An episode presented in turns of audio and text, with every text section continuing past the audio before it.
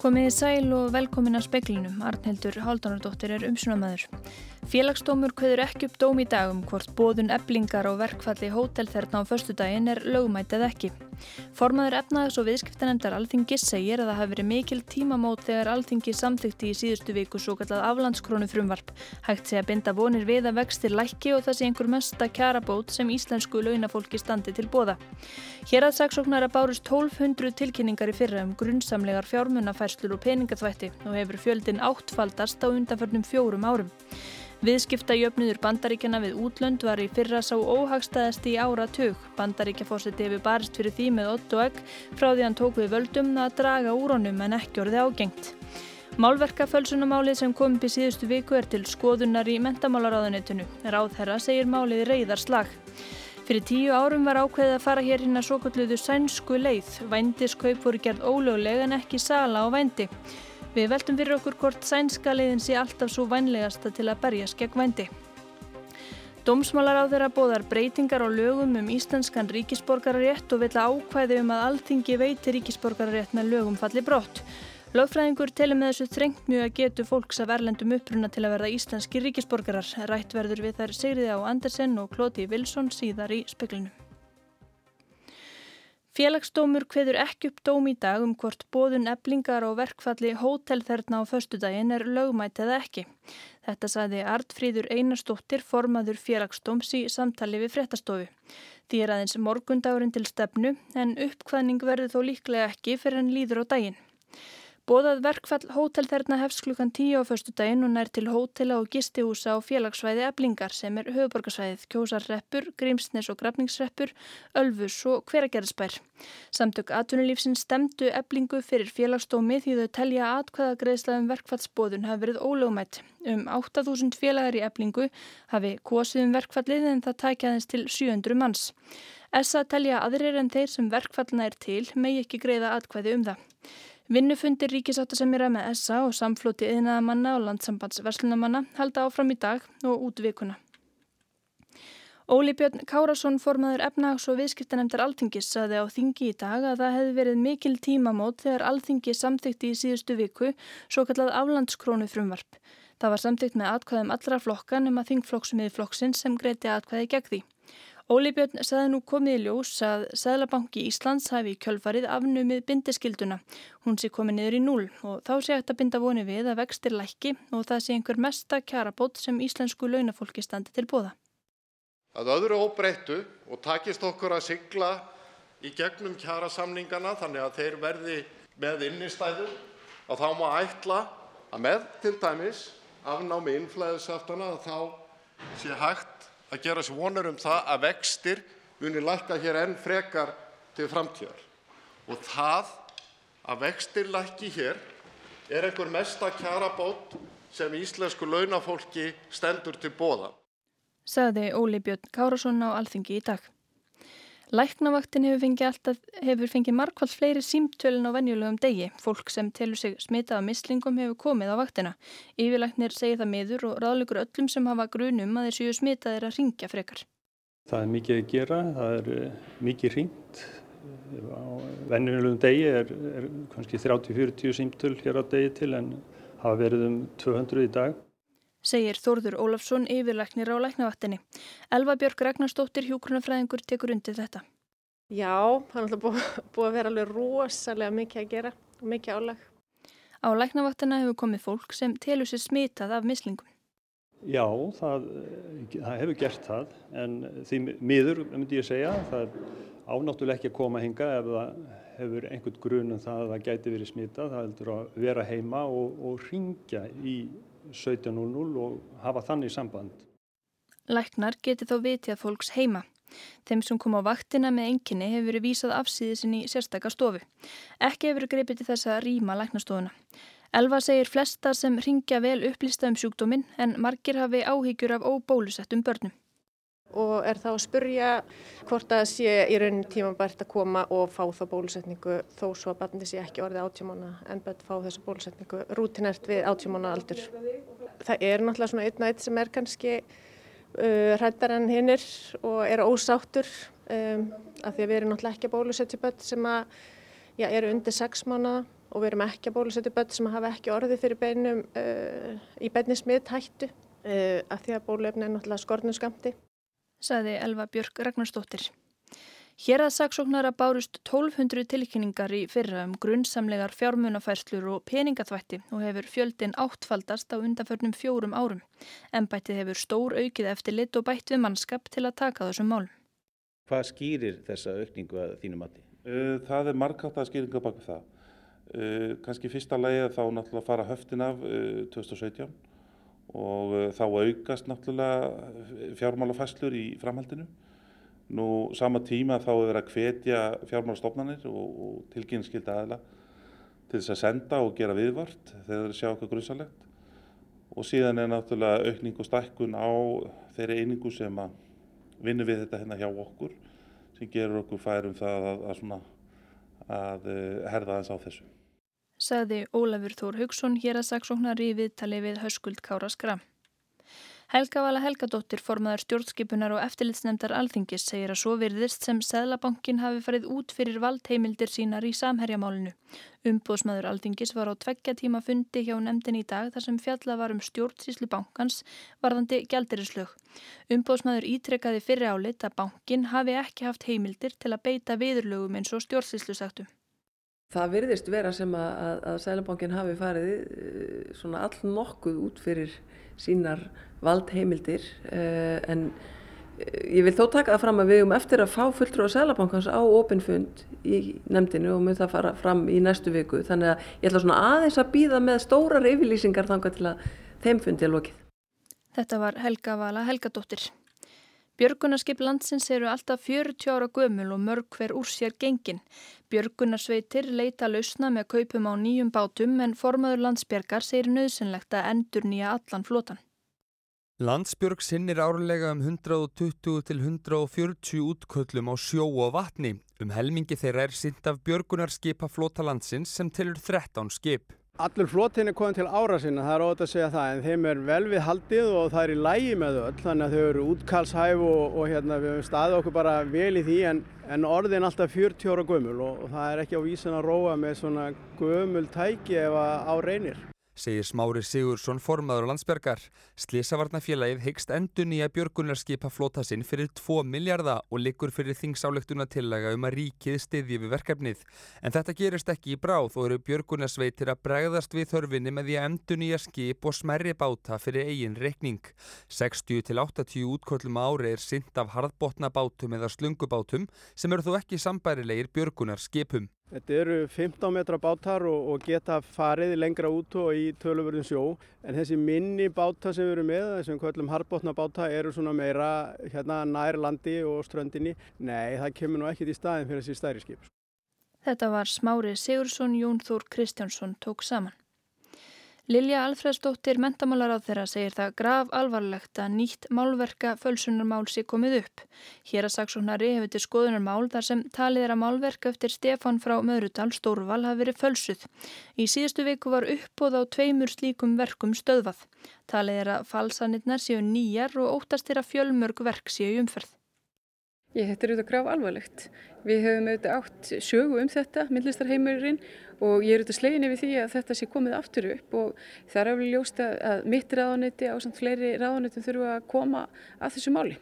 Þannig að það verður skoðað? Já, það verður skoðað. Við erum þegar byrjuð að skoða það, við erum að fara yfir e, þær aðgerir sem farið yfir á sínu tíma og ég veit að það eru margir sem heldur að, að myndlistarheimurinn og, og væri komin semst, yfir þetta og þess vegna er þetta auðvitað reyðaslag sagði Lilja Alfredsdóttir í viðtali við Jóhann Bjarnar Kolbensson. Viðskipta jöfniður bandaríkjana við útlönd var í fyrra óhagstæður um 621 miljard dollara, meira en nokkru sinni síðastliðin áratug og 12,5% meira en árið 2017. Þetta gerðist þrátt fyrir tilrunir Donald Trumps fórseta til að draga úr hallanum. Viðskiptajöfnurinn mælir mismunin á útflutningi og innflutningi á vörum og þjónustu. Donald Trump fórseti hefur barist fyrir því með otti og ekkað jafna þannan mun frá því að hann tók við ennbætti, rift samningum við aðrar þjóðir og endur nýjað aðra. Engum hefur honum verið uppsigað við kynverja vegna þess hver mikið bandaríkjaman flytja inn frá Kína en lítið þongað. Meðal annars brast á með við skiptastriði millir landana. Vopnallið hefur verið í því að undanförnu og keppast samningar nefndir þjóðana við að ná við unandi laust fyrir lok þessa mánadar. Viðskiptajöfnurinn við Kína var eigið síður óhagstæðari í fyrra en nokkru sinni áður, jógst um 43,6 miljardar dollara frá árinu 2017. Sumu sögur að segja um Mexiko og Evrópusambandið. Litið er á niðurstöðuna sem kynnt var í dag sem reyðarslag fyrir bandarækjaforsetta. Jöfnurinn hefur ekki verið jafn óhagstæður síðan árið 2008 þegar efnahagshrun varð víða um heim og teknileg efnahagskreppa brast á í bandarækjunum. Áskir Tómasson saði frá. Framkvæmt laga um íslenskan ríkisborgararétt hefur að ýmsu leiti gengið úr skorðum og færst frá tilgangi lagana. Þetta er mat dómsmálar á þeirra sem hyggst leggja fram frumvarp til breytingar og lögum um íslenskan ríkisborgararétt. Lagt er til að útlendingastofnun sjá í alfarið um að afgreða umsóknir um réttin og ekki verði hægt að leita til alþingis um afgriðslu þeirra. Hinga til hefur verið hefð fyrir því að alþingi afgreði slíkar umsóknir tvísvar á ári í sérstakri undirnemnd allsherjar og mentamálanemndar. Alþingisleiðin hefur verið gaggrínd, til dæmis talað um að fjölskyldur sem hafa verið mikið til umfjöllunar í fjölmiðlum fái frekar ríkisborgar rétt en aðrar sem minna hefur borið á, að afreiks íþróttamenn fái frekar en aðrir og frægir eins og Bobby Fischer til dæmis. En þetta hefur samt sem áður verið svo leið sem þeir sem ekki hafa passaðin í ramman sem lögin setja hafa geta farið, þeir sem hafa fallið millir skips og bryggju í kerfinu. Klóti Vilsson, lögmaður á lögmannstofinni rétti, tilur að með fyrirhugaðri lagabreitingu og öðrum sem eru lagðar til í frumvarströgunum vilji stjórnvöld þrengja mjög að getu fólks af erlendum uppruna til að fá hér ríkisborgarrétt. Það eru komnar hinga til að ræða þetta mál Sigriður á Andersen dómsmálar á þeirra og Klóti Vilsson lögmaður. Sigriður, ef við byrjum á þér, hvers vegna telur þú að færa í afgreðslu umsókna um ríkisborgarrétt alfarið til útlendingastofnunar? Jú, uh, þetta hefur svona, þessi framkvæmt breyst svolítið undanfjöldum árum uh, og uh, það hefur verið aukinn svona þungi uh, og álag á alþingi uh, með þessar umsóknir og ég hef greinta hjá alþingismönnum, alveg þvert og alla flokka, uh, mikið vilja til þess að breyta þessu fyrirkomulegi. Alþingismenn almennt hafa ekki mikið náhuga á því að vera settir í þessara stöðu að, að leggja mat á málefnar ástæður fyrir því að veita mönnum undan þá frá skýru ákvæðu lagana en að samaskapi finnst mennus kannski þá svolítið skort upp á það að útlendingastofnun gæti eh, lagt eitthvað svona aðeins meira mat á aðstæður manna heldur en að hún getur gert það í dag samkvæmt lögunum.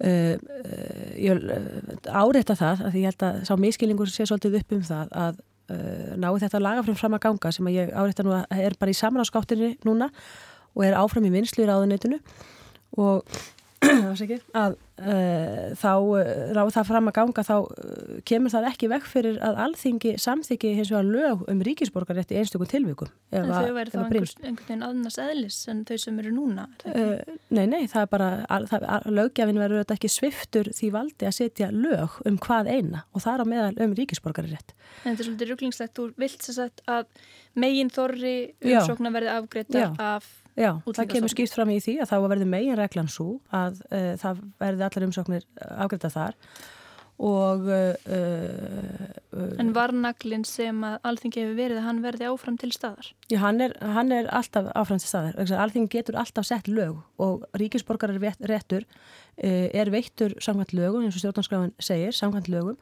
og uh, meðal annars að geta menn bara sett lög um, uh, um uh, ríkisborgarétt eitthvað stiltekis einstakling sem menn vilja gera það. Mm. En með því þessu lagfrömba það leggur auðvitað breytir þessu aðeins og, og ringar aðeins skilirðin fyrir veitingu ríkisborgaréttar. Uh, áfram verður hins vegar lögð áherslu á það að menn hafi einhver þau tengsl við landið sem að uh, lögjafinn hefur hingað til og ég held nú að lögjafinn vilja áfram verið að með þau tengsl við landið að það sé eðlilegt að þau geti leitt til ríkisborgararéttar. Mm. En þannig hefur það ekki verið núna og þegar alþingi hefur verið að fá þessar umsóknir þá uh, liggur það afleg og blasir við okkur þingmönnum að jafnbræðis meðal umsækjanda er enga megi gætt og allt þetta ferli er ógagsætt Já, Klóti, uh, vikjum þá að þér mm -hmm. í greina gerð með draugunum að þessu frumvarfi að segja að, að til að tryggja sangjarna meðferð mála sér nöðsynlegt að ringa heimildir útlendingastofnunar mm -hmm. þess að mhm. veita ríkisborgari rétt og þú nefndi líka að það væri verið að ringa einhverju liti Eh, er það gert með þessu frumvarfi? Fyrst er það? Ég kannski á að nefna það eins hérna um, að því þess bara svara þessu eh, sem dómsmálar á þess sagði að mér finnst nú þetta ránt og svolítið villandi að, að því að heimild alþengi samkvæm þessu frumvarfi til að veita rík, íslenska ríkisborgari verið felt brott og það þýðir í raun að hérna uh, núgildandi framkvæm þar sem einstaklingar getur leitað beint til alþengis tvísvara ári eh, vor, að voru og að vetri, það verður ekki lengur eh, mögulegt. Um, þannig að óháð því sem náttúrulega er haldið fram, þetta er að sjálfsögðu staðreindir máls eins og það er. Eh, það er náttúrulega eh, eins og dómsmálar á þeirra segir að það er verið að ringa hérna, heimild eh, úrlæningarstofnunar til þess að, að taka ákvarðanir um þetta. Ég held þetta sé ekki það einfalt vegna þess að þessi undan þá heimild eða þessi varnagli sem alþengi hefur verið í þessu ferli e, það færist nefnilega ekki til útlendingastofnu í flestum tilveikum með hérna, þessi lagabreitingu og ég vil nefna náttúrulega e, sem dæmi sko að e, sem sagt einstaklingar sem eru til dæmis sem mun aldrei fær, fá ríkisborgar rétt hjá útlendingastofnun eru þeir sem eru ekki með trygga framfæslu Nú samkvæmt njúgildandi lögum og framkvæmt þá getur sem sagt einstaklingar sem hefur ekki verið með trygga framfæslu, kannski er með lágmakslaun og það hefur nú komið fyrir að þetta gerist að fólk starfa hjá ríkinu en samt er með lágmakslaun og ná ekki framfæslu viðmiðið slíkt fólk fær ekki hérna ríkisborgarétt ef að máli fer til útlendingastofnunar. Og er það raunverulega verið að þrengja? Í rauninni, sko. Þannig að ef að, hérna, ef að alþengi hefur verið þessi varnagli sem að ef kemur til svona vega mikil rauk og sangirnis ástæðu likur þar að baki að þau getur veitt undan þá frá þessu. Þannig að mér finnst nú bagalegt að þessi undan þá heimild hefur ekki verið færið til útlendingastofnunar í, með frumvarpið þessu. Sýrið, hvað segir við þessu? Er þið að stula því að færri fái hér ríkisborgarréttur skilir þið? Nei, og með þurfum að hafa það í huga að það eru mörg hundruð einstaklingu veittur ríkisborgarréttur hérna ári. Og mörg þúsund og undanförnum árum hefur verið veittur ríkisborgarréttur uh, uh, á útlendingastofnun og skilirðin fyrir því að fá ríkisborgarrétt hér á Íslandi eru bísna bara uh, lárþröskuldur uh, og skilirðin, það er mikilvægt að þau séu skýr þessi skilirði og, og menn uppfyllir þau. Og það er nú helst það kannski dvalartími sem er sjö ár, frá 5 til 7 árum sem að menn þurfum uppfylla. Og það telst nú kannski ekki mikið þess að, að hérna telst af eitthvað tengst því lík við landið. En e, ég verð nú að koma inn á það hérna viðmæland okkar hérna að því hún er svo hörð í þeirri afstöðu sinna að þetta sé nú alltaf með miskilningur hjá mér og þetta lagafröðum sé nú allur uh, miskilningur að Eh, sko það er þannig í dag að það er ekkert ferli sem heitir það að fólk getur sótt um tvísvar ári. Það hefur myndast eh, svona bara ákveði verkla á þingi sem er korkið lögbundið og menn get ekki gengið að sem vísu að undanfærin ár, og það hefur ekkert verið öll undanfærin ár, þá hafa, eh, það er ekkert laungur einsla, semst laungsaga með þetta, að þingið hefur verið að afgreða sem lög, ríkisborgarrétt, oft í desember og í mæ en það er ekkert sem fólk getur gengið að sem vísu og það er ekkert ferli sem að menn geta komið inn með sínar umsóknir. Þetta hefur leitt til þess að það er rétt sem hún nefnir hér að kannski með fólk sem er kannski ekki með eitthvað framfæslu að það hefur verið að fá ríkisborgar réttu sumt af því fólki og annað ekki og þetta er auðvitað ekki alveg að mínum að þetta er bóðuleg stjórnsísla uh, ef við viljum halda í heiðri jafnræði. Það verður eftir sem áður alltaf hægt fyrir alþingi að, að setja lög um það að einhver John Smith, við tökum sem dæmi fái ríkisborgarétt hér á Íslandi. Það þarf ekkert að fara í gegnum, uh, hérna, þá, þá fer það bara að fæst þetta sína þinglu meðferð eins og önnu þingmál. Þannig hafa mál verið mætt, ég nefni ágætt, ég nefni eins og Bobby Fischer uh, og einhverja fleiri sem hafa verið teknir með sérstakri lagasetningu en þetta sem ferli sem hún er að vísa til sem hefur verið tvistur ári það sem að hópi manna er sapnað saman og þessar umsóknir hafa verið að nálgast núna nokkur hundru nánast til, til hérna alþingis og hverja einasta ári og einhver hluti af þeim afgreitur út með mjög ógagsaðum hætti.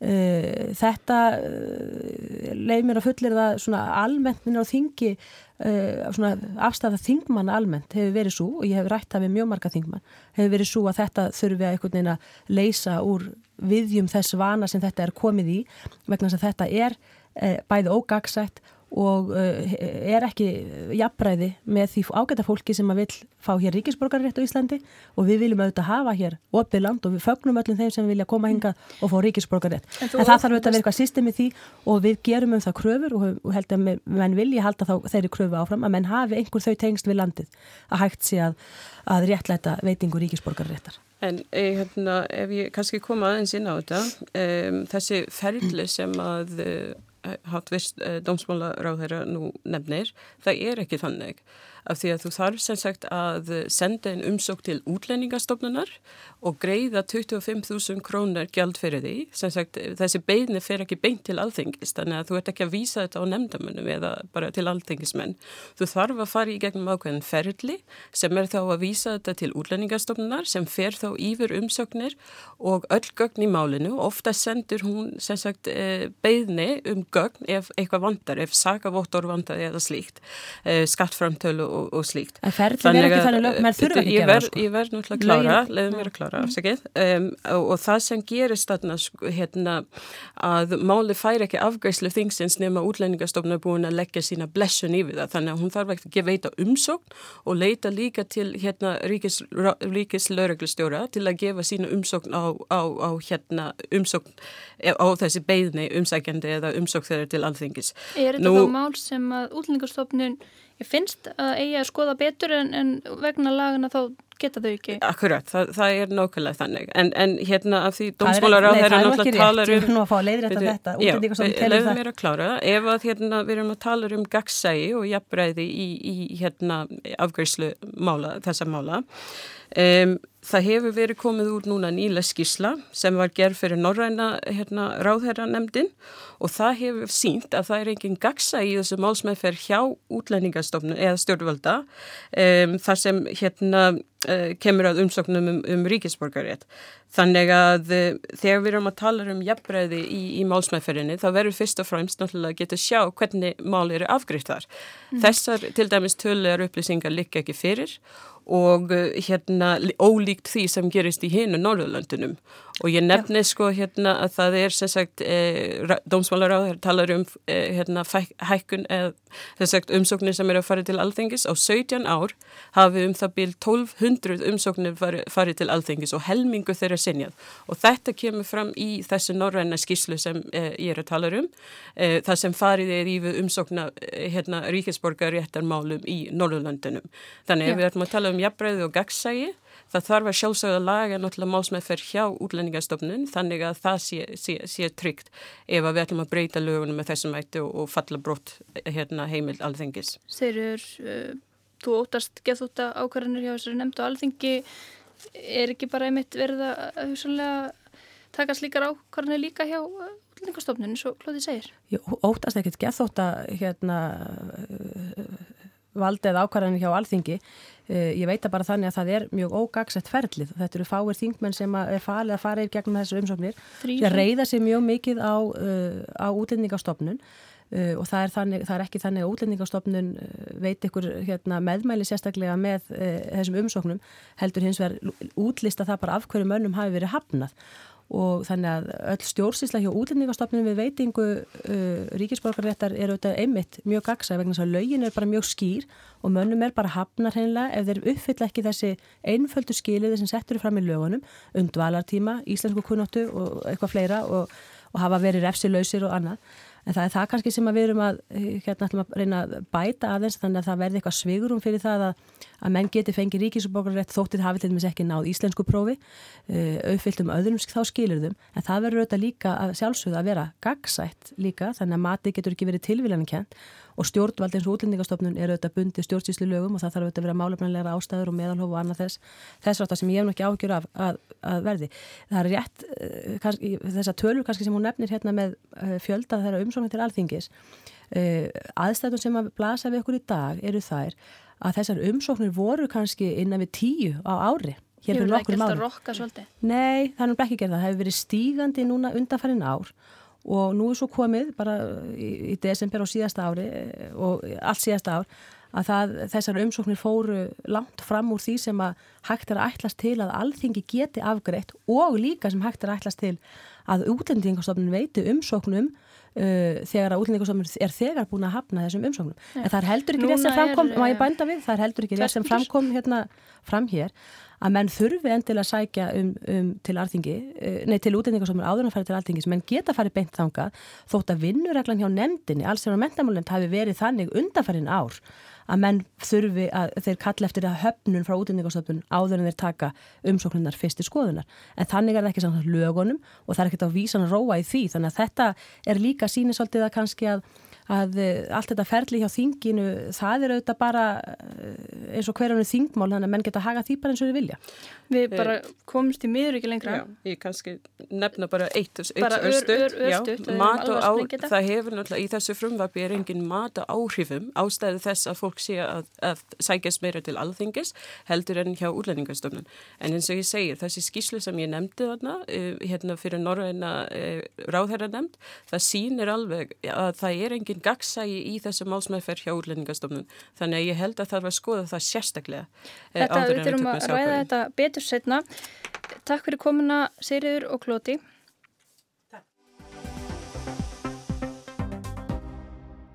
Vændi hefur aukist á Íslandi eins og fjallavarum í fréttaþættinum kveik í gær. Fyrir tíu árum var ákveð að fara inn að svo kulluðu sænskuleið hér í baratu gegn vændi. Það er salin er lögleg en kaupin ekki og vændi er skilgreynd sem kymferðislegt ofbeldi. Þessi lögjöf hefur ekki bórið sama árangur hér og í Svíþjóð og Noregi og fyrir því eru ymsar ástæður eins og fjallað varum. Meðal annars að skort hefur á forvarnir og hjálparnet fyrir fólk sem er í vændi og lögreglan hefur ekki alltaf gengið hart eftir því að ná vændis kaupendum. Símon Hegström, yfir maður hjá sænsku lögreglunni, hefur starfað hjá mannsals og vændisteimi hennar í tíu ár. Hann telur að til þess að berjast gegn vændi og mannsali sem sé nánast órófa þátturvændis sé ekki ráðlegt að afnema öll bönn og gera kaup á vændi líka lögleg. Jo, ett av de absolut största farhågorna eller största... Hann segir að stærstu mistökinn sem hafi verið gerði í Evrópu síu þegar reyndir að skilja á milli vændis sem stundar sér að frjálsum vilja og mannsals. Þess að sjáist greinileg merki sérstaklega í löndum sunnar í Evrópu, í Hollandi, Þískalandi, Austuríki og Sviss, þar sem enn tali um að ekki eigi að hafa afskipti af vændi sem stundar sér að frjálsum vilja, en lögreglun eigi að fást við mannsal og það þegar fólk sé þvinga til að selja sig. En Hegström segir að vandamáli sé að á yfirborðinu líti mannsal oft út fyrir að vera vændi sem stundar að frjálsum vilja. Svo er all människohandel frivillig prostitution. Solveig Anna Bóastóttir, kynlífs siðfræðingur, vil benda á að hægt sé að bregðast við vændi á fleiri vegu. Miklu skipti að mæta fólki sem er í vændi þannig að hlusta sér á það sjálft og læra af því hvers það þarf mest. Skort hafi á virðingu gagvart þeim sem séu þessum spórum að, eh, að lýsa vændi sem ofbeldi og ofbeldi gegn konum og sérstaklega auðvitað alvarlegri byrtingamind þess ofbeldis. Það er hugmyndafræði sem verður sterk upp úr 1980 og svona á nýjunda og tíunda áratugnum. Þannig að hún er nú ekkert mikið eldri en það en hvort að vændi er alltaf það eða bara það það væri þá að segja að við varum loksins komið þá einu réttu hugmyndafræðir. Hegström segist þess fullvis eftir tíu ára starfið þessum geira að sænska leiðin, það er að gera vændis kaup ólögleg en ekki söluna, sé svo rétta. Ja, efter att ha jobbat i de här miljöerna nu i tio år och träffat de här kvinnorna mer eller mindre på daglig basis och även sexköpare och hallikar så är jag helt övertygad om att det här är rätt och väg att gå. Dagleg umgengni við vændiskonur og dólka í tíu ár hafi styrtan í þeirri trú. Amnesti og annur samtök hafi gengið þá gildru að hlusta á lítinn minni hluta sem segist starfa við kynlíf og hafa kosið sér það að frjálsum vilja. En þá gleimist að sá fámenni hópur fólks í vændi talar ekki fyrir alla sem leiðast út í það. Þess vegna sé algjörlega nöðsynlegt að búa við lögjöf og kerfi sem vergi þá sem gegn vilja sínum drægist inn í þennan heim. Það sé mikill meiri hluti og ótrúlega sorglegt að amnesti verðist algjörlega hundsan syftar till att skydda de som dras in i detta mot sin vilja. Och det är de som är den stora majoriteten. Och det är det som Amnesty helt verkar ha missat, vilket är otroligt tragiskt. Alda Hrönn Jóhannsdóttir er yfir lögfræðingur löguröglunar á Suðunessjum. Hún hefur um árabil fengist við mál sem tengjast mannsali og vændi. Alda Hrönn er hlind sænsku leiðinu og bendir á að þar sem vændi sé refsivert bytni það harðast á þeim sem standa höllustum fæti. Litið út frá því að við komum til sé í viðkvæmu stöðu að þá er sænska leiðin best. Í bandaríkinum er það ekki svo leist, það, það er brot að stundavendi og það hefur ídrykka verið að koma og í þeim löndum sem að það hefur, svo staðaður uppi að þá er það þannig að viðkomandi kannski að koma eftir að hafa verið jafnvel seldur í, í, í mannsali og verið tekinn fyrir að stunda vandi að þá er viðkomandi refsaði síðan að koma út með sakaferil sem að telur kannski á mörgum blaðsjum en þeir sem að, hafa allan hagafði að selja viðkomandi slappa alfarið. Solveig Anna telur ekki sé hægt að alhæfa umvændi og það geti verið vara samt að telja að það sem gangi á einum stað hrífi á öðrum. Vændi er stundad og verður til í félagslegu og sögulegu samhengi alltaf og það er svo mismunandi. Þannig að það sem að, það sem að vændi er á einum stað, það er einhvern veginn öðruvísi á öðrum stað og ólíkt hvort að við erum að tala um að búa á Norðurlöndunum, þar sem að þessi leið uh, hugsanlega geti verið góð leið á meðan að fólk sem að býr á öðrum, uh, hérna, í öðrum heims hlutum hefur sagt við mig alveg beint að við skulum ekki láta okkur dreyma um að flytja þetta út til þeirra. Vegna að þar séu bara aðstæður allt öðruvísi það sé ekki möguleiki. Og ég hef hlustað mjög á það og þeirra rauk fyrir því. Saði Solveig Anna Bóasdóttir einnig var rætt við Símón Hegström og Öldur hann Jóhannsdóttur. Og þá gerst ekki fleira að í speklinum í kvöld. Jón Þór Helgason sendi út. Verið sæl